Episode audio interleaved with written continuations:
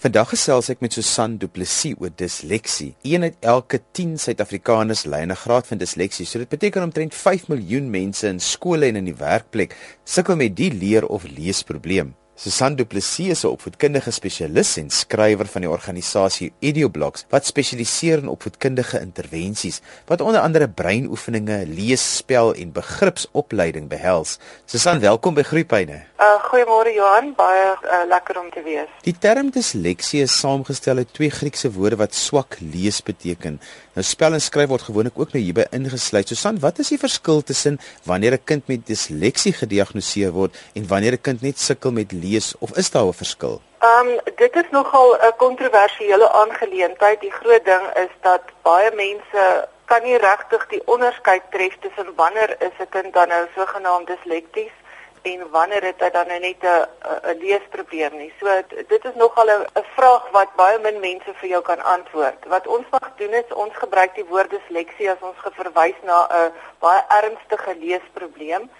Ehm en dan staan sekere sieninge ook oor die saak. Daar's 'n tradisionele siening, daar's 'n moderne siening. So daar's 'n klomp sienings oor wat dit is, wat dit veroorsaak.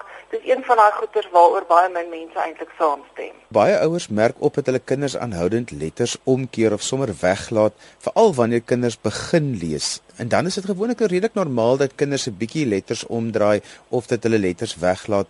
Maar as dit aanhou, dan kan dit tog 'n teken wees van disleksie, nê? Nee? Ehm um, absoluut. Ek meen dit is normaal as 'n kind in graad 1 is om nog te te sukkel tussen 'n B en 'n D, um, en dalk die twee met mekaar verwar, maar die groot ding is as dit regtig 'n ernstige leesprobleme soos dan disleksie, dan gaan dit nie weg nie. Dis nie iets wat sommer net van self weggaan nie. Inteendeel, die Amerikaners praat eintlik van die Matthew effek wat hulle sê is dat die rich get richer and the poor get poorer. So as daar regtig 'n probleem is, dan word daai verskil tussen die kind wat vorder met lees en die kind wat dan agterbly wat dan nou disleksie kan hê, um, word net al hoe groter. So dis definitief iets wat 'n mens nie net kan los nie. Susan, wanneer moet 'n ouer begin bekommerd raak oor hulle kinders se lees dat dit dalk disleksie kan wees? Ehm um, wel daar's altyd van van kleins af is daar eintlik waarskuwingstekens waarna 'n mens kan kyk. Ek sien iets wat baie voorkom is dat kinders wat laat begin praat 60% van alle disleksie leiers is kinders wat laat begin praat het. So dis een van die waarskuwingstekens wat 'n mens sommer baie vroeg kan agterkom is my kind praat nie soos wat hy moet op 'n sekere ouderdom nie. En dan baie van die kinders dis nou al voorskool sukkel byvoorbeeld met rympies. Hulle sukkel om rympies op te sê of hulle kan nie verstaan dat mat en kat byvoorbeeld rym nie. Hulle kan nie klanke bymekaar sit nie. Hulle kan byvoorbeeld nie hm aan en sê man nie. Um of as jy vir hulle die woord mat sê, hulle praat van fonemiese bewustheid, kan hulle nie vir jou sê wat is die beginklank en wat is die eindklank byvoorbeeld nie. Dan iets wat 'n mens ook baie vroeg kan optel is kinders wat byvoorbeeld sukkel met links en regs. Natuurlik jou jou uh, links en jou regs is een van jou voorvereistes byvoorbeeld om tussen 'n B en 'n D te kan onderskei. En as jy 'n B en 'n D langs mekaar sit, die enigste verskil tussen 'n B en 'n D is eintlik dat die een se steeltjie is links en die ander steeltjie is regs. So as jy 'n probleem het met links en regs om dit te kan interpreteer, dan voorspel dit ook definitief uh, dat daar 'n probleem kan wees. En dan as die kind begin skool toe gaan, is daar klomp uh, simptome, soos wat ons gepraat het van die omkerings. Die omkerings is daar, maar dit gaan nie weg van self nie. Um dat die kind kan weglatings maak wanneer hy lees. Hy kan byvoorbeeld staf lees in plaas van straf. Uh kind wat stadig lees, huiwerig lees, wat sy plek verloor. Um iets wat jy baie teekom is dat die kind byvoorbeeld 'n woord spel soos k at, maar dan sê hy koud, so hy kan nie die die auditief um dit daar's nie sintese wat plaasvind nie. En dan letters in die verkeerde volgorde, dit is nogal 'n tammeletjie, dit is nogal baie moeilik om dit reg te maak. Is byvoorbeeld kinders wat sal snik lees as die woord niks is en dan baie kinders sukkel ook met begrip. Hulle, hulle lees maar hulle kan nie verstaan wat hulle gelees het nie en ook min onthou van wat hulle gelees het. En as jy al hierdie van hierdie simptome begin sien, dan moet jy weet dis definitief tyd dat jy iets daaraan doen. As jy sopas ingeskakel het, jy luister na Groeipyne saam met my Johan van Lille. My gas is Susan Du Plessis en sy's 'n opvoedkundige spesialis en skrywer. En ons gesels vandag oor disleksie en dit is die onvermoë om te kan leer lees. Nou jy kan op Facebook saamgesels, tik maar net Groeipyne in by die soekopsie op Facebook, like ons bladsy en dan kan jy daar lekker saamgesels of as jy vra het, kan jy ook sommer daar vir ons vra. Onthou ons plaas ons gaste se kontakbesonderhede ook net na afloop van die program.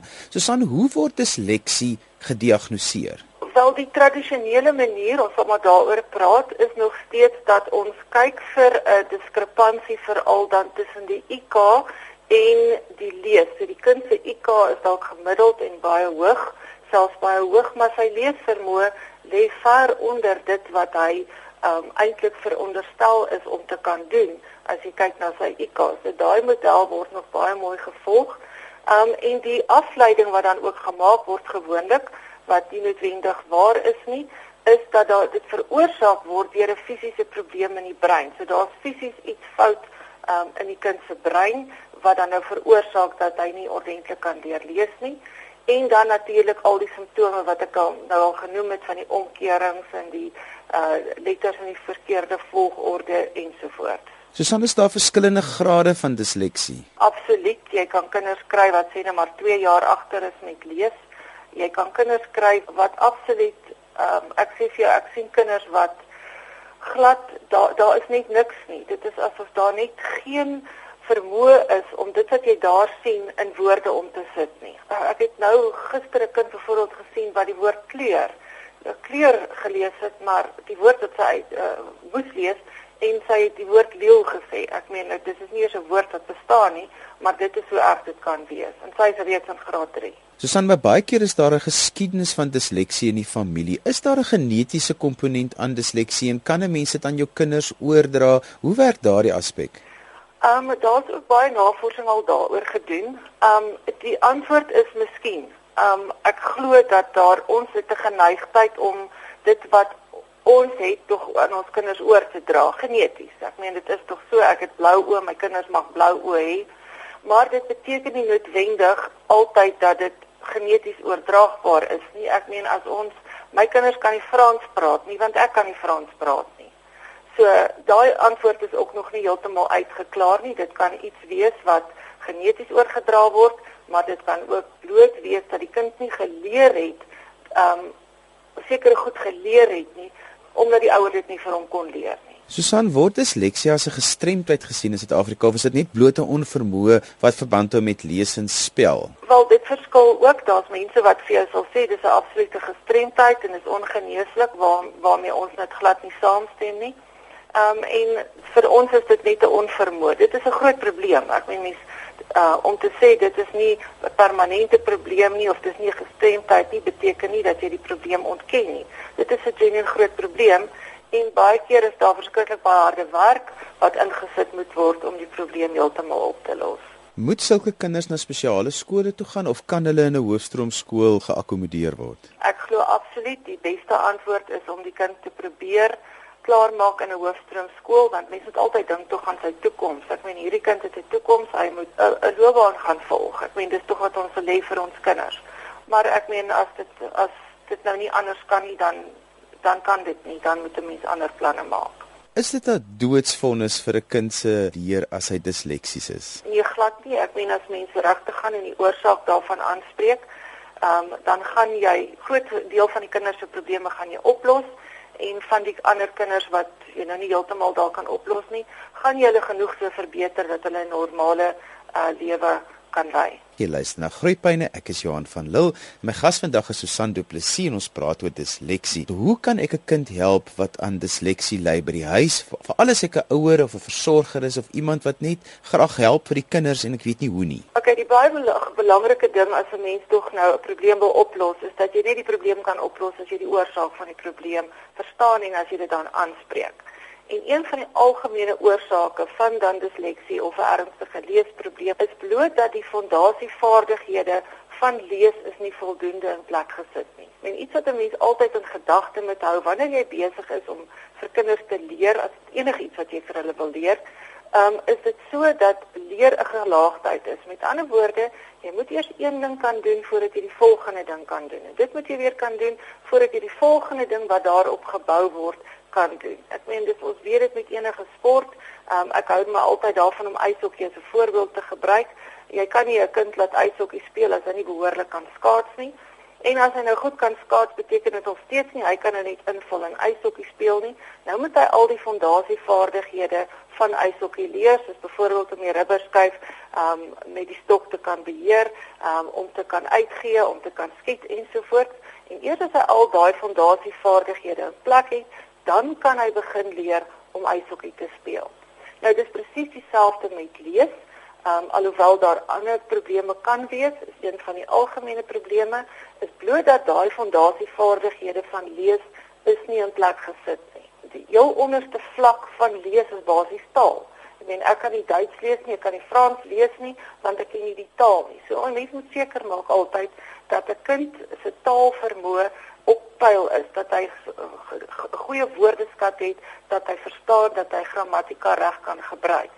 En bo op die taal dan kry ons vier boustene. Ons kry konsentrasie, ehm um, jou vermoë om aandag te kan gee en te kan fokus veral dan op een ding en dan vir 'n lang tyd te kan doen. Dan is daar ongelooflik baie perseptuele vaardighede betrokke, beide visueel sowel as uh, auditief.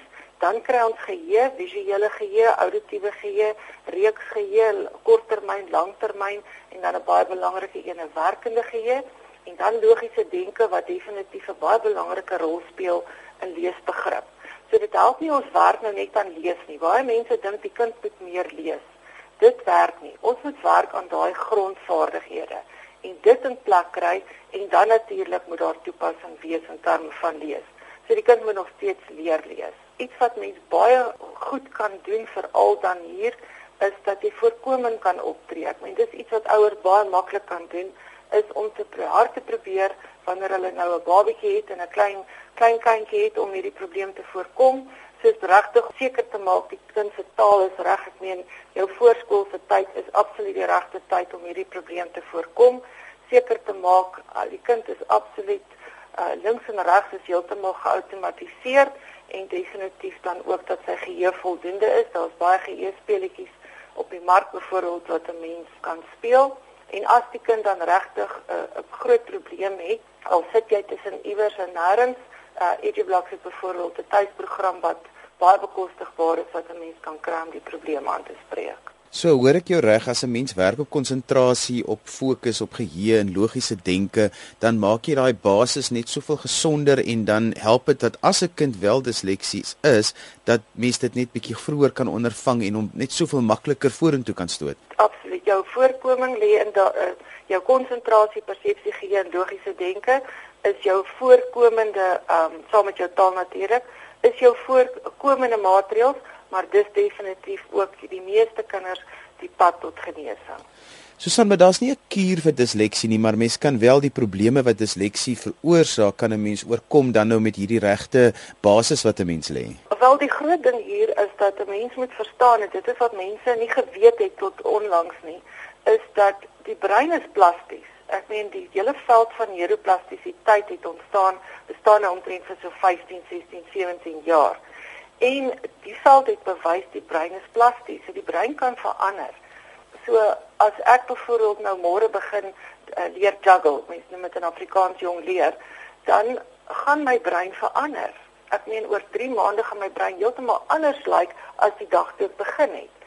As ek môre begin om ernstig 'n musiekinstrument te begin bespeel, soos byvoorbeeld viool, oor 'n jaar of wat ook al gaan my brein heeltemal anders lyk. Like of as ek nog 'n nuwe taal leer, gaan my brein verander. So die feit dat daar wel en dit is ook bewys dat daar definitief 'n verskil is tussen die ou wat dan 'n disleksie het en die ou wat dan nou uh goed kan lees. Daar's 'n verskil tussen hulle breine op beide funksionele en strukturele vlak. Maar dit beteken nie ek hoef daarmee saam te leef nie. Ek kan daai breinverskille kan ek ophef um en ek kan dit verander. So ek kan op die ou einde as ek ordentlik leer lees, het, gaan my brein te ver verander sodat ek lyk soos die my brein lyk soos die normale persoon se. Susan, we soms kan 'n mens 'n baie praktiese ding doen om hierdie kinders te help. Ek dink byvoorbeeld dan ek het al iewers gelees en ek weet nie hoe waar dit is nie, soos ek dit vir jou vra, dat 'n mens kan selfs die spasiering tussen letters en woorde aanpas vir sulke kinders en dan neem hulle retensie vermoë aan met daai om te kan onthou wat ek lees toe. Ja, daar's 'n spesifieke font ook, mens noem dit Open Dyslexia wat jy kan gaan aflaai op die internet. Ehm um, wat spesifiek dit doen en ja, mense sê dit maak definitief 'n groot verskil. So baie keer as die letters te klein is of te groot of te naby mekaar is dan dan is dit 'n bydraende faktor om hierdie kinders nog verder te belemmer en hulle vermoë om te kan lees en te verstaan wat hulle lees. Absoluut, ek stem 100% saam. Hoe moet onderwysers hulle klaskamers aanpas as daar 'n disleksiese kind in die klas is en hoe moet ek my kind se kamer by die huis inrig as ek 'n disleksiese kind het? Ehm um, wel ek dink onderwysers het 'n moeilike werk, hulle het 'n moeilike taak. Ek meen hulle sit met kinders wat verskriklik begaafd is en fantasties kan lees tot kinders wat ehm um, regtig sukkel, wat baie swaar kry. So dit is baie moeilik vir onderwysers. Ek dink onderwysers ehm um, moet begrip hê ten, ten eerste. Ek meen baie kinders sal nog vir jou groot mense. Ek het nou rukkie terug het ek byvoorbeeld 'n video op ons Facebook gepos van 'n man wat nou 44 is wat nou leer lees het wat baie erge disleksie gehad het as 'n kind en hy's nou besig om reg te kom en as jy vir, uh, gaan luister na hoe swaar hierdie man gekry het, hoeveel ehm um, hoe hy onder druk is basies as gevolg van sy probleme in die skool. Ehm um, dit is so belangrik dat onderwysers ten eerste begrip het van hierdie kind is waar hy is. En niks wat jy sê of niks wat jy doen gaan maak dat hy vinniger vorder nie. So dit gaan daaroor dat hy begrip moet hê.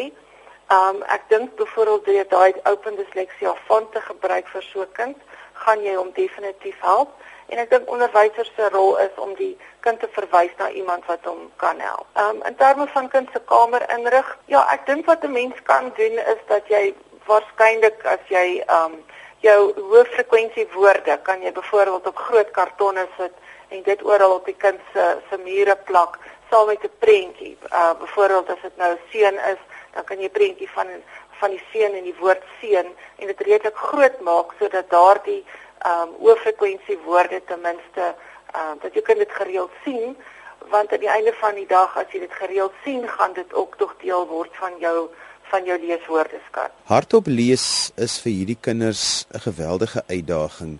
Hoe moet ons hieroor dink? Ja, iets wat 'n mens kan doen eerder as dat die kind nou net hardloop, hardop lees. Mens praat van paired reading. Ek weet nou nie wat die Afrikaanse woord daarvan nie, maar die Engels is paired reading waar ons dan nou langs die kind sit en ons lees dan nou saam met die kind en wanneer hy gemaklik voel dat ons dan hom 'n stukkie laat alleen lees en wanneer hy dan nou weer vashak, dan val jy dadelik in en jy lees saam met hom.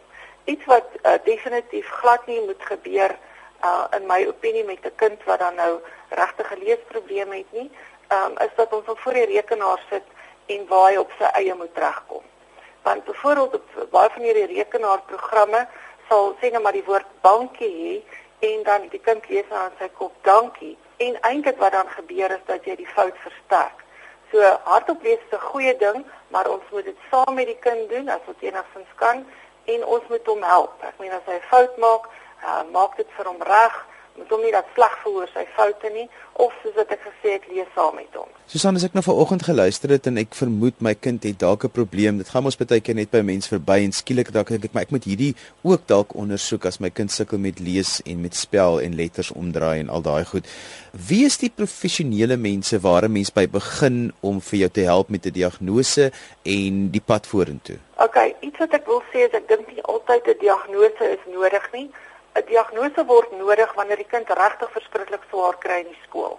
Wanneer jy regtig kan sien hierdie kind van my gaan nou dryp en as ek nie nou iets doen nie, die eksamen is om ek draai, dan is die groot probleem. So dan is 'n diagnose nodig wat jy gewoonlik maar by 'n sielkundige sal kry wat jou kind gaan evalueer sodat hy dan konsessies kan kry ekstra tyd byvoorbeeld vir die eksamen, uh, baie van hulle kry 'n leser sodat iemand wat hulle die vrae lees. Maar as dit nie nie nodig is dit nie, as dit nog nie op daai punt is nie, dan hoef mens nie altyd 'n diagnose te hê nie, dan kan mens regtig nou maar gaan na iemand toe wat jou wat jou kind kan help. Dan is dit nie altyd nodig vir 'n diagnose nie. Ek vind maar met baie kinders, het al baie kinders hier gehad wat die diagnose gekry het en dit vererger eintlik die probleem die kind voel regtig hy's dom en daar's iets verskriklik verkeerd met my want ek het dan nou disleksie. Ja, want die debat op die oomblik is nogal groot daaroor dat 'n mens hierdie kinders nie moet etiketeer nie. Absoluut. As dit nie nodig is nie, moet dit nie doen nie. Susanne slotgedagte ons moet groet oor disleksie en raad wat jy vir ouers sit net om hulle 'n bietjie hoop te gee vir die wat nou vanoggend besef maar hier is 'n pad wat ek gaan moet stap met my kind